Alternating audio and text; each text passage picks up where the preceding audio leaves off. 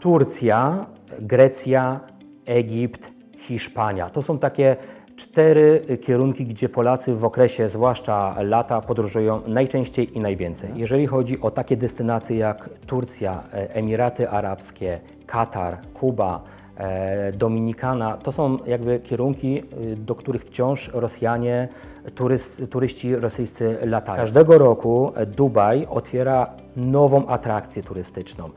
E, więc to się też przekłada na wzrost zainteresowania e, ofertą. Udało się, jak najbardziej, jak najbardziej udało się. Jest to stuprocentowy sukces. E, rzeczywiście Katar wypromował się tak jak chciał, czyli y, Mistrzostwa Świata przełożyły się, przełożyły się na turystykę. W tej chwili ilość odwiedzających turystów Katar jest bardzo, bardzo znacząca. To ile kosztuje Arabia Saudyjska, na przykład, nie wiem, tydzień w Arabii Saudyjskiej? Może oscylować dla jednej osoby w okolicach 11-12 tysięcy za osobę przy tygodniowym, trzygwiazdkowym jakby pobycie. Dużo osób nawet jedzie dokładnie w te same miejsca, gdzie celebryta się fotografował, robił sobie se- sesję zdjęciową. To turyści bardzo często chcą jechać w, dokładnie w te same miejsca, zrobić zdjęcia w tych, w tych samych miejscach, więc powielają, powielają e, wiele sytuacji, wiele zdjęć e, i śledzą tych celebrytów i śledzą ich poczynania.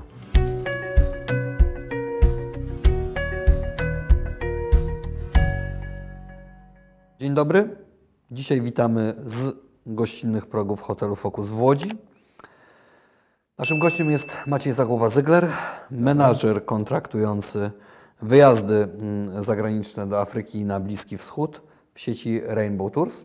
Maciej jest również podróżnikiem, człowiekiem niezwykle ciekawym i e, człowiekiem, którego krwi w genotypie płynie turystyka, płynie ciekawość świata, zwiedzania świata, łączy tę pasję zawodową z Twoją pasją prywatną. E, Rozmawiamy na kanale biznesowym, więc zaczniemy od pytania jak najbardziej biznesowego. Dlaczego tak drogo? Dlaczego, żeby wyjechać za granicę teraz na wakacje, a szczególnie do Afryki i na Bliski Wschód, trzeba aż tak dużo zapłacić w tym roku? Nie jest drogo. To jest e, realny koszt w tej chwili, jaki każdy musi e, ponieść. Jak wiemy doskonale, ceny od pewnego czasu znacząco wzrosły.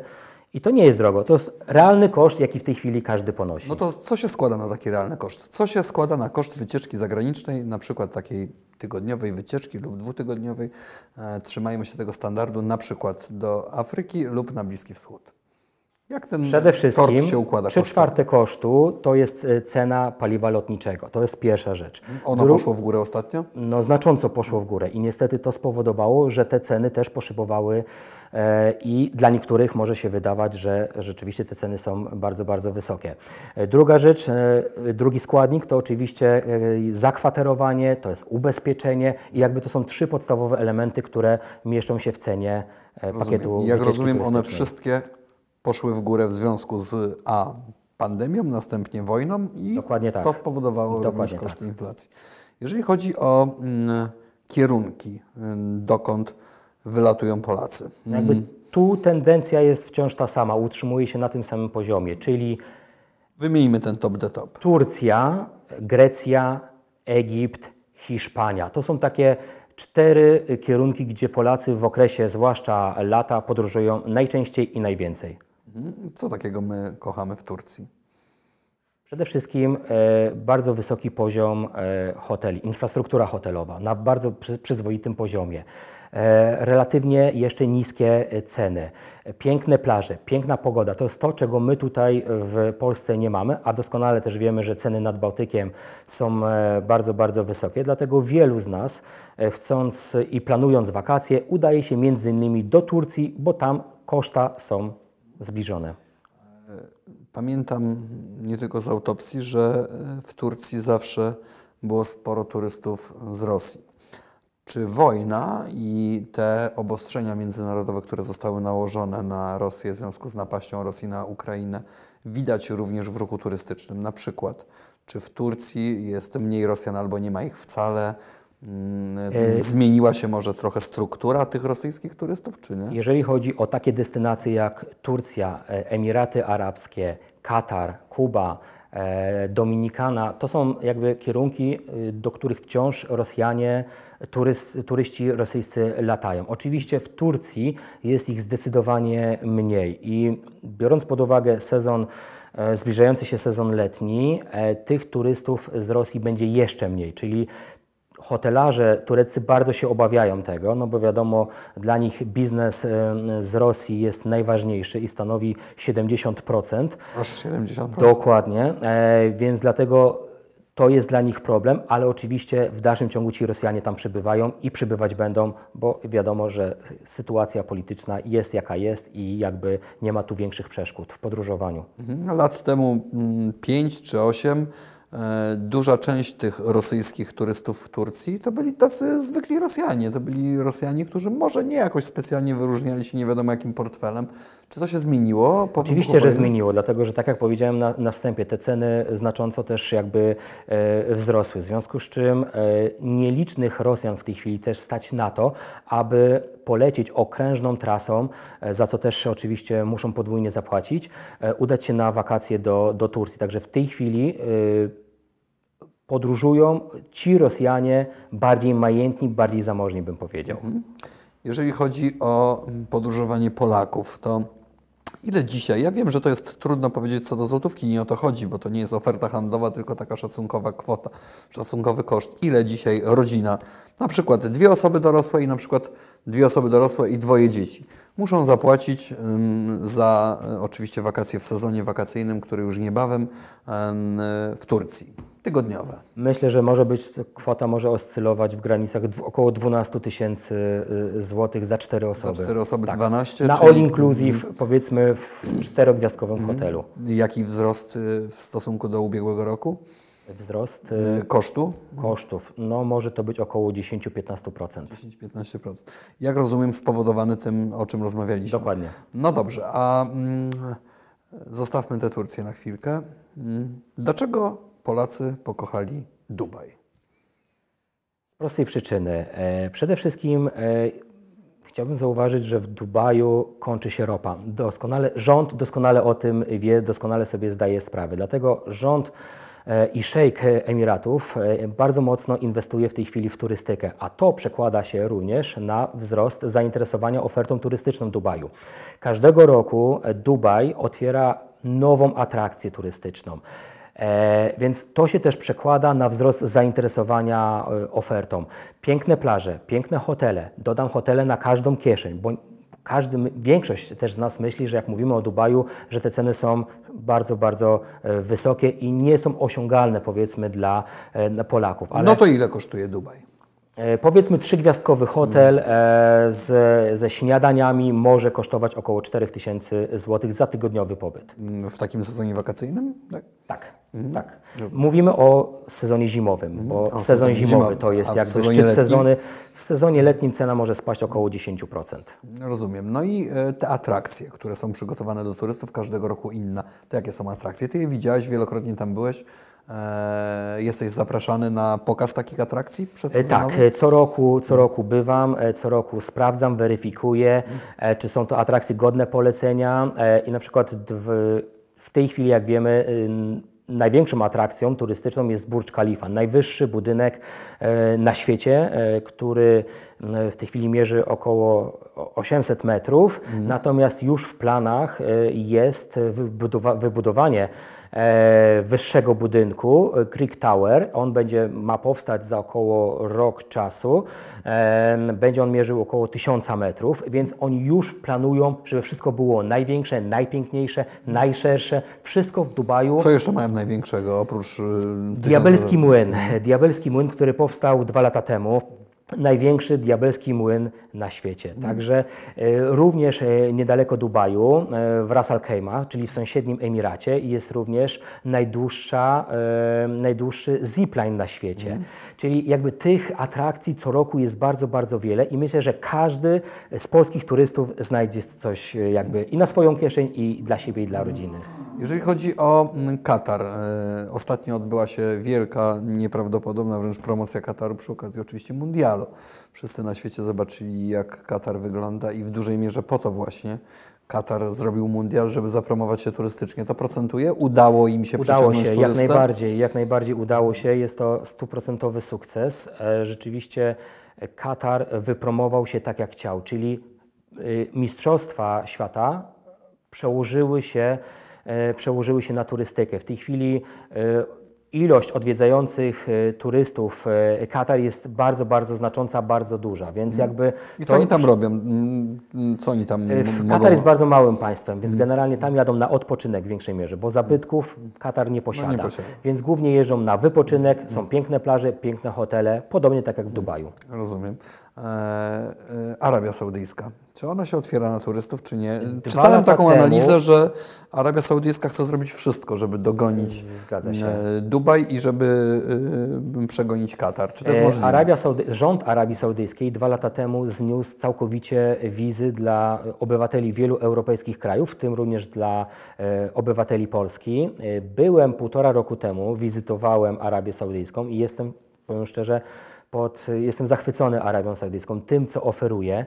E, Niestety problemem e, aktualnie są wciąż bardzo wysokie ceny, dużo wyższe niż w sąsiednim e, w sąsiednich Emiratach Arabskich czy Katarze i jest to aktualnie duży, duży problem. Problemem To ile kosztuje Arabia Saudyjska, na przykład, nie wiem, tydzień w Arabii Saudyjskiej?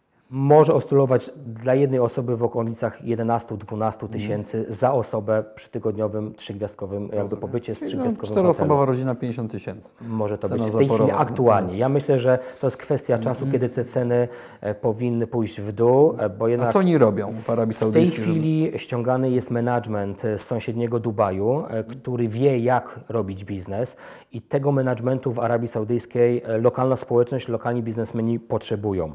E, Po to, żeby wiedzieć, wiedzieć jak ten biznes e, robić, jak zachęcić turystów i przede wszystkim e, z jakimi cenami e, zachęcić turystę, żeby po prostu odwiedził ten całkowicie nowy dla nas, nieodkryty wciąż kraj. Mhm. I jest taka szansa, myślisz, że to się może powieść? Myślę, że to jest kwestia 10 lat. Myślę, że to jest kwestia 10 lat, zanim Arabia Saudyjska dogoni Emiraty Arabskie, bo jednak wciąż tam brakuje mm, infrastruktury turystycznej, a to jest jakby podstawa do tego, żeby turysta chciał przyjechać. Czy turyści, którzy wybierają te kraje jako kierunek swoich wakacji, kierują się w jakikolwiek sposób myślą, nie wiem, o prawach człowieka, o tym, co się tyle mówi i tak dalej, czy po prostu traktują to, że chcą zobaczyć coś egzotycznego, innego i jakby mm, tej, ta, ta świadomość gdzieś zostaje wyparta? Oczywiście nie. Jest procent ludzi, którzy rzeczywiście patrzy na to. Patrzy na to i na przykład ostatnio słyszałem opinię, ja nie pojadę do Kataru, bo wiem, ile osób zginęło przy budowaniu e, stadionów. Więc, e, więc wiem doskonale też, że takie opinie są, natomiast zdecydowana większość chce wypocząć, chce odwiedzić, zobaczyć i jakby zdecydowa- zdecydowana większość jakby kieruje się Traktuje jakby... się taką Dokładnie. ciekawostkowością. Kuba po Fidelu Castro. Czy Kuba po Fidelu Castro po pierwsze wciąż jest taką samą Kubą, którą znamy e, e, z czasów Fidela jeszcze, czyli czymś niezwykle egzotycznym, jakimś takim fragmentem komunistycznego, dziwnego świata, jeszcze częściowo z tymi starymi zabytkowymi klimatami z czasów, kiedy tam rządził Batista, czy to już jest kraj inny i zmienił się nie do poznania i goni zachodni świat? I tak i nie. E, zmienił się, bo widać wpływy amerykańskie. Te wpływy amerykańskie są coraz bardziej widoczne i w tej chwili jest dobry moment też, żeby tę e, Kubę odwiedzić, zobaczyć, odkryć, poznać jak najbardziej. Natomiast e, jak człowiek pojedzie w głąb kraju, to też gołym okiem widać wciąż jakby panującą biedę. Widać, że to jest wciąż ta Kuba, która była za czasów Fidela Castro. I A to można sobie tak pojechać w głąb? Nie ma problemu? można, można, natomiast też trzeba mieć jakby specjalne pozwolenia. Najlepiej udać się z przewodnikiem lokalnym, który wie, gdzie wejść, gdzie nie wolno wejść, bo jakby to są wciąż jakby rejony, do których no, warto wiedzieć, gdzie można, a gdzie nie, bo to jest też ważne. Ta amerykanizacja Kuby, która teraz jest widoczna, na czym ona polega? Przede wszystkim no, widać y, ym, dużo amerykańskich firm. Są McDonaldy, jest dużo, dużo innych y, amerykańskich restauracji. Widać, że, y, że ta Kuba się cywilizuje, powiedziałbym, tak? Oni poznają, poznają coś nowego, coś nowego przychodzi do nich, więc jakby to wszystko powoduje, że jakby też mentalność lokalnej społeczności trochę się zmienia, natomiast oni wciąż są tą biedną społecznością, gdzie mimo wszystko e, no, żyją w większości tylko z trzciny cukrowej, tak? A na Kubie drogo czy nie drogo? Dla turysty są ceny turystyczne, czyli zależy jak na to patrzeć. Dla nas wciąż będzie tam tanio. E, Natomiast oczywiście ceny, które oni proponują turystom, mogą już jakby no nieco odbiegać od tych, o których, od których my byśmy chcieli i byśmy oczekiwali, tak? Więc e, te ceny też wzrastają każdego roku jak wszędzie. Zanzibar.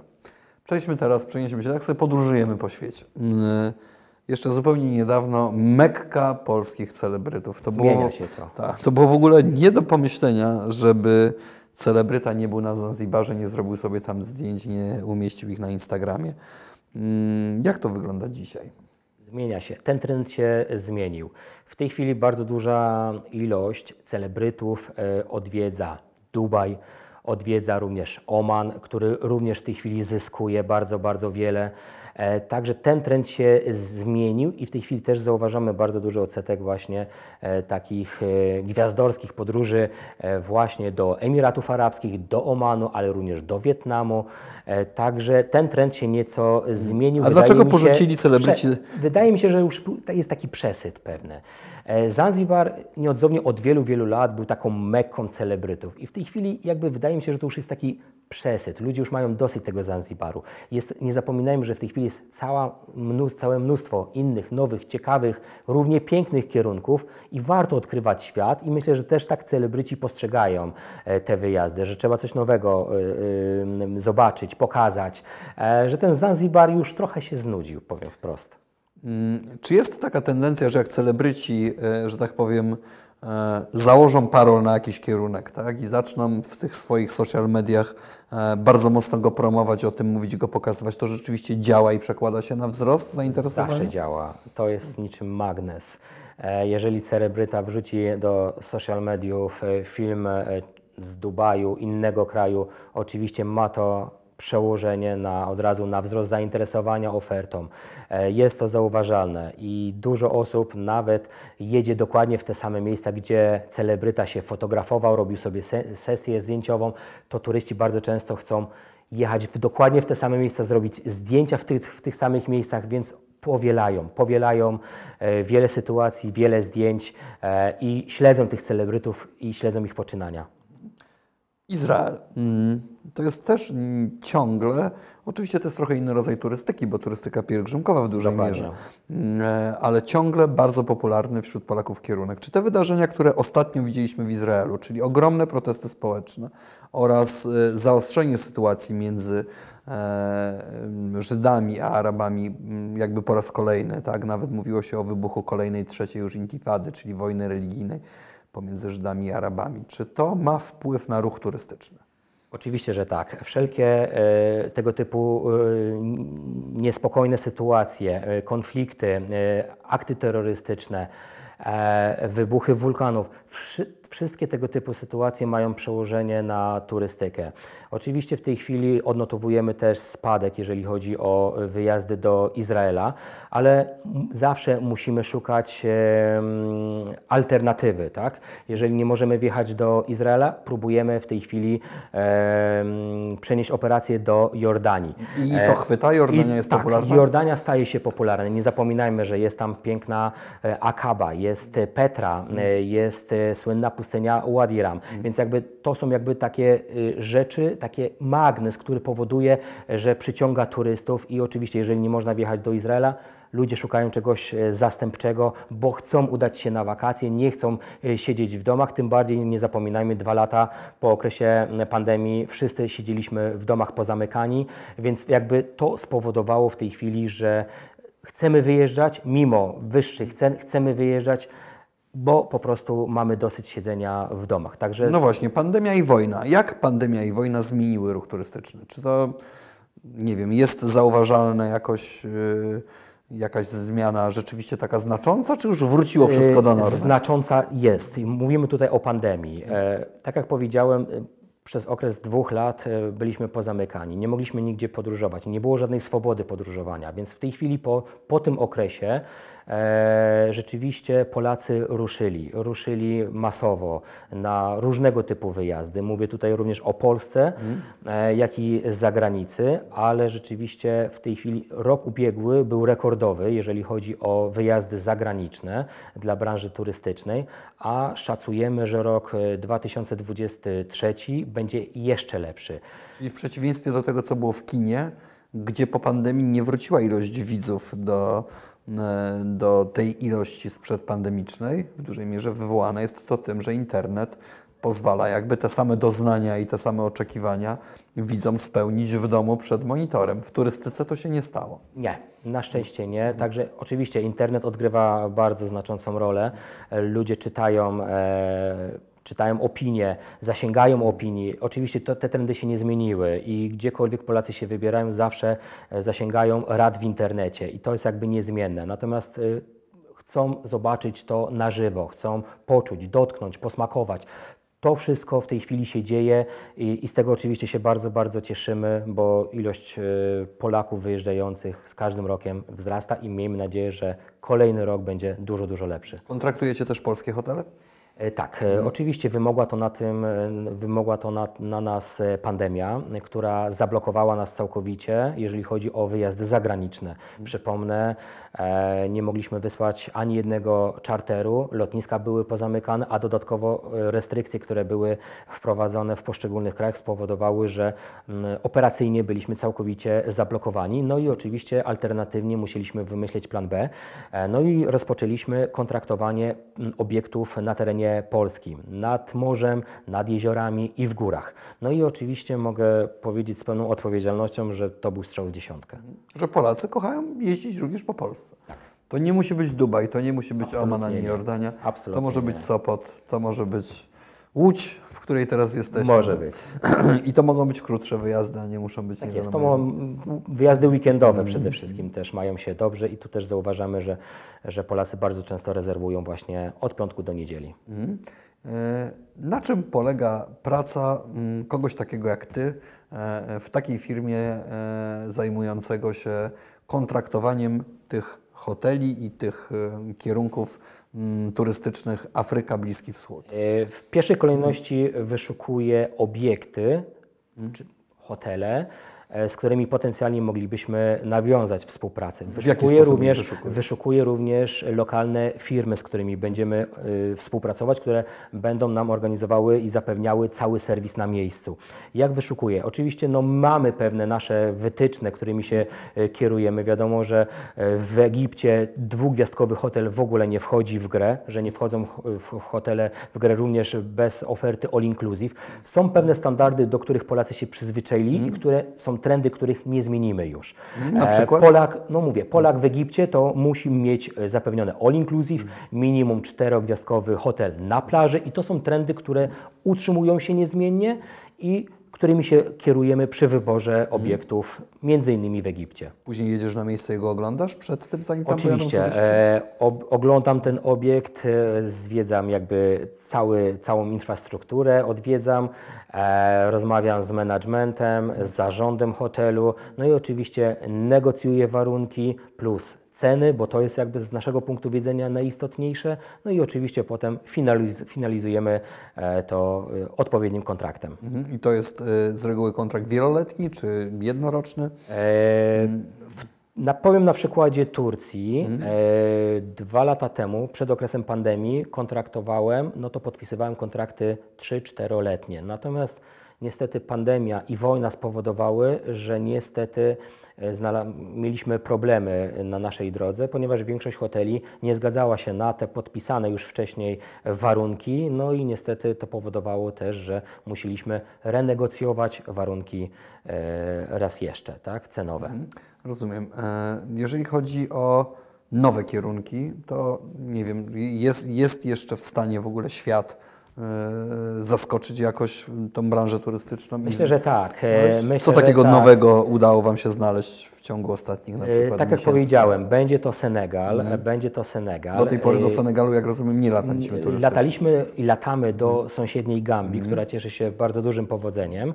Natomiast Senegal była kolonia francuska, Mhm. cieszy się zainteresowaniem właśnie wśród e, Francuzów. Mhm. Natomiast myślę, że też znajdzie uznanie wśród polskich turystów. E, Senegal, będzie to Arabia Saudyjska, e, będzie to Oman. E, Także to są jakby kierunki nowe, nieodkryte. Gdzie trzeba wypuścić celebrytów na przykład z Dokładnie e, tak. selfie stickami tak, i, cze- i, tak. i czekać na żniwa. E, Maciej Zagłoba-Zygler, to nazwisko Zagłoba-Zygler, to jest nazwisko w świecie, w branży turystycznej bardzo znane, bo twój dziadek był podróżnikiem i to nie byle jakim, takim lokalnym, krajowym, ale przetarł szlaki to mocno. I mamy dwa szlaki turystyczne w Borach Tucholskich. Macie dwa szlaki turystyczne imieniem Zagłoby Zyglera.